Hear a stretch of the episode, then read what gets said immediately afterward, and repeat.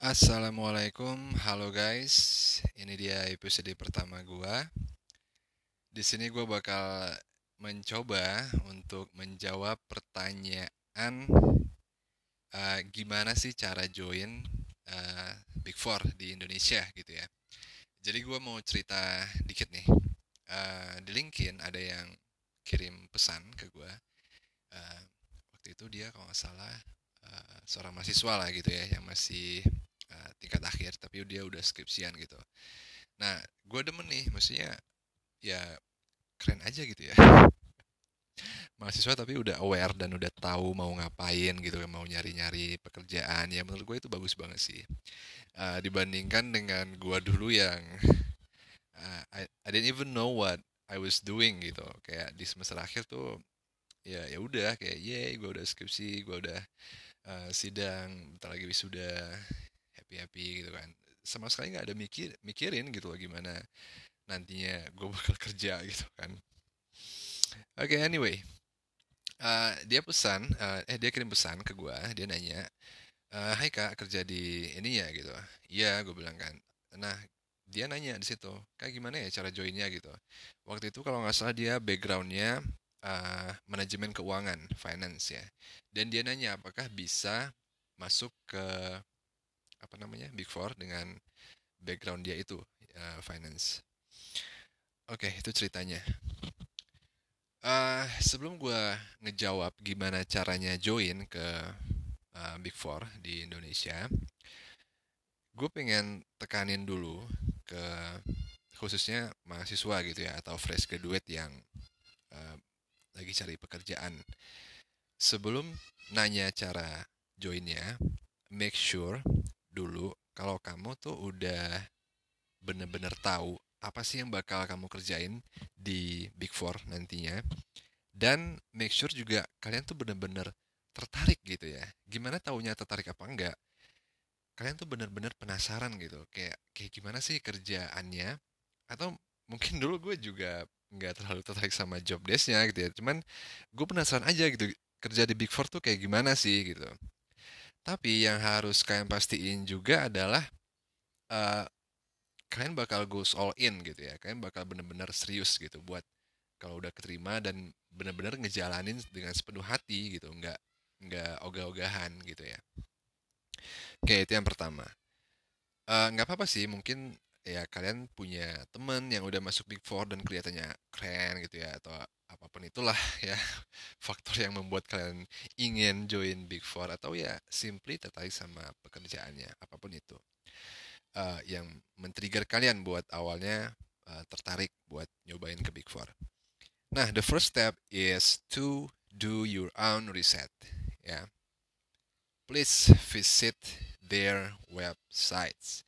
Nah, di situ bakal dijelasin uh, terutama uh, I really encourage you to visit their services menu ya.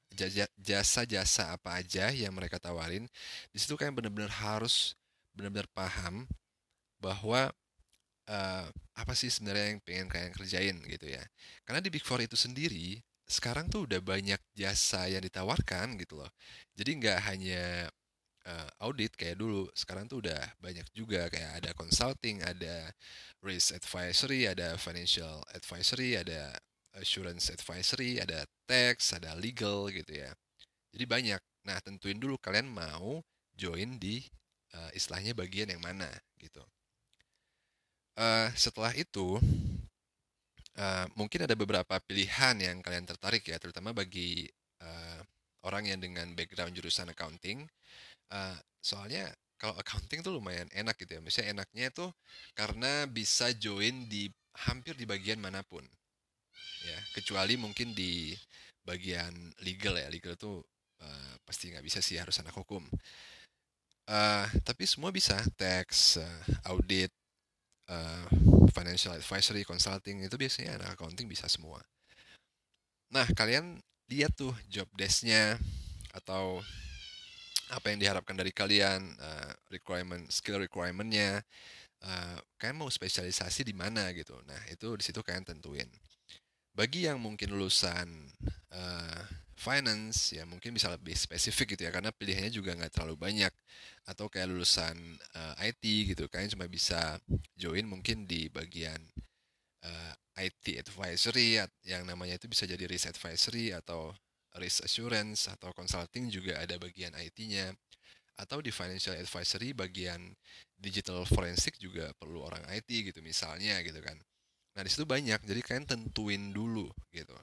Kalian bisa uh, riset, bisa Google, bisa YouTube. Uh, what this uh, job position uh, do gitu ya. Itu bisa jadi kata kuncinya. Jadi uh, what does an auditor do gitu. What does uh, digital forensic uh, professional do gitu ya. Itu bisa jadi kata kunci yang bisa kalian uh, search di uh, search engine, Google, YouTube, ya di mana pun itu. Nah di situ kalian bakal dapat gambaran kan maksudnya ya gue mungkin bakal ngejelasin sih nanti yang uh, maksudnya job position gue gitu ya. Kalau yang lain sih ya gue juga tahu uh, permukaannya doang gitu nggak tahu detailnya tapi mungkin nanti bisa kita uh, coba buat uh, siapa tahu bisa undang narasumber gitu ya buat ngejelasin job desk job desk dari uh, jasa yang ditawarkan di Big Four untuk sekarang ya do your own research dulu. Oke, okay, next adalah uh, setelah kalian tahu, baru tuh apply. Simply apply. Nah, memang cara apply itu banyak uh, variannya sih ya.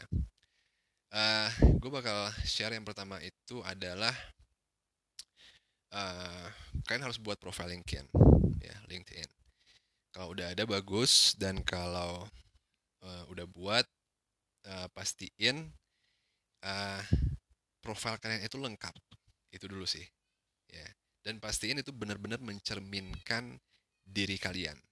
Semua yang pernah kalian lakukan di masa kuliah ya it should be put into your uh, into your LinkedIn profile. Ya tapi tetap dengan honesty gitu ya maksudnya kalian harus ngejelasin benar-benar kalian memang pernah melakukan uh, whatever project dari atau whatever ya kegiatan atau apa pun itulah gitu.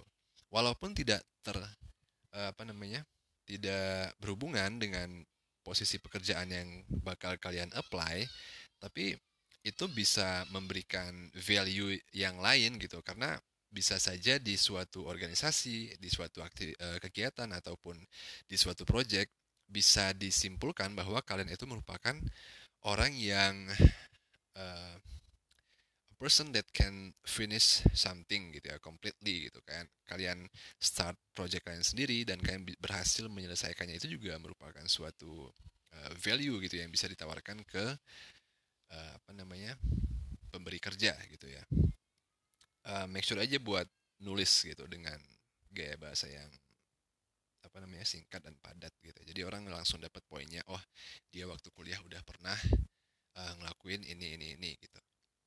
Kemudian set juga uh, job searching setting kalian di LinkedIn. Make sure kalian uh, keep updated dengan postingan job yang terkait dengan posisi yang kalian tadi udah tertarik kalian udah putuskan di uh, Big Four tentunya. Atau ya ini juga applicable buat perusahaan-perusahaan mana pun sih gitu ya Kemudian uh, ya itu kalau LinkedIn, tapi sebenarnya yang paling utama juga ya di website perusahaan masing-masing gitu. Kayak kalian simply bisa ketik di Google ya nama Big Four-nya karir Indonesia gitu. Contohnya gini deh, Deloitte Indonesia karir. Ya as simply as that. Ya kalian klik linknya, di situ kalian bakal diarahkan ke list daftar pekerjaan yang lagi uh, dicari oleh perusahaan. Dan kalian juga bisa lihat uh, job description-nya apa di situ. Uh, kemudian apa namanya uh, requirement-nya apa. Di situ kalian bisa uh, langsung apply aja. Dan tentunya uh, kalian bisa lihat ya di situ ada gap-nya apa enggak. Misalkan di requirement-nya ada dibutuhkan skill uh, SAP knowledge gitu kan. Uh, pengetahuan tentang SAP nah di situ kalian bisa mulai tuh kalau kalian memang tertarik sama posisi itu tapi kalian belum punya skillnya ya kan belajar gitu. Maksudnya kalian cari tahu apa sih itu gitu ya. Kalian belajar di Google di YouTube anywhere gitu. Nah kuncinya nanti uh, di mana itu bakal uh, ketahuannya yaitu di uh, ujiannya ujian masuknya gitu ya. Ada yang ujiannya tertulis ya dia bakal nanya soal teknikal ada juga yang bakal ditanya pas uh, user interview gitu. Jadi ntar bakal di interview sama biasanya level manager atau senior manager. Nah bakal ditanya tuh uh, terutama terkait dengan poin-poin yang ada di requirement posisi itu gitu. Apakah kalian benar-benar udah uh, paham? At least paham lah ya kalau untuk entry level position. Uh, at least kalian paham walaupun kalian belum pernah mengerjakan gitu. Uh, intinya bertanggung jawab lah gitu. Kalau kalian udah suka tanggung jawab gitu dong. Masa masa ya suka-suka doang gitu kan ya. Kalian cari tahu dong tentang apa aja requirementnya dan apa sih sebenarnya yang dilakukan oleh posisi itu. Uh, kemudian dari selain website dari jobstreet.id juga dulu gue kayaknya pernah deh. Maksudnya ada gitu di posting. Dan kalian juga bisa apply dari situ. Kemudian yang paling akhir menurut gue ya tapi uh, kesempatannya juga kayaknya lebih besar gitu adalah dengan uh, referral Oke, jadi kalian tuh kayak direkomendasiin sama kenalan kalian, baik itu teman, kakak angkatan, ataupun siapa pun itu, ke manajer yang lagi nyari uh, karyawan gitu kan. Nah, kalian biasanya langsung di apa namanya diajukan gitu CV kalian uh, bakal langsung diberikan ke manajer itu dan dipilih biasanya gitu kan. Nah itu juga gimana sih caranya supaya dapat referral gitu ya? Uh, Sebenarnya nggak terlalu susah-susah amat gitu ya. Ya kalian sebenarnya harus ngebangun relationship dengan kakak angkatan itu dari semenjak kuliah gitu. Tapi kalau kayak gue dulu gitu ya, yang uh, notabene gue tuh kayak ya, introvert nggak jelas gitu sih kayak kerjanya cuma main tanpa pernah mikirin kayak ah kayak gue harus penting nih ngebangun hubungan dengan uh, kakak kakak angkatan atau apa pun lah itu gitu kan. Nah, gue nggak ada gitu. Uh, cara lainnya adalah kalian bisa connect with people literally connect gitu ya secara online di mana? Di LinkedIn. Jadi kan ya kirim pesan aja secara sopan singkat santun profesional. Orang tuh kalau memang punya waktu dia bakal pas dia bakal ngerespon kok dia bakal ngerespon. Uh, ya itu cara how to connect with people sih ya secara umum gitu. Tapi intinya referral itu adalah kalian direkomendasiin oleh teman atau kakak angkatan kalian. Jadi sering-sering aja cari uh, informasi gitu dari teman-teman ataupun mungkin dari kakak angkatan yang sudah bekerja di salah satu big four kalian bisa ya reach out aja kayak tanya aja kak uh, eh, gue tertarik nih gitu yang pasti kalian harus punya ketertarikan gitu ya. Supaya supaya orang yang kalian tanya juga oke okay, dia udah tertarik fine gue bakal layani gitu. Karena orang yang udah tertarik itu pasti bakal ada usahanya dong. Nggak cuma kayak pasif gitu menerima informasi gitu enggak gitu. Tapi lebih ke kayak diskusi gitu kan jadinya. Nah di situ kalian bisa tanya kak ada lowongan nggak? Atau mungkin ke depannya kak kalau ada lowongan uh, tolong di share ya uh, saya tertarik gitu sama posisi ini ini ini gitu. Atau punya teman gak sih kak yang uh, kerja di bagian uh, B gitu? Karena mungkin si kakak angkatannya kerja di bagian A yang nggak berhubungan sama yang posisi yang kamu tertarik.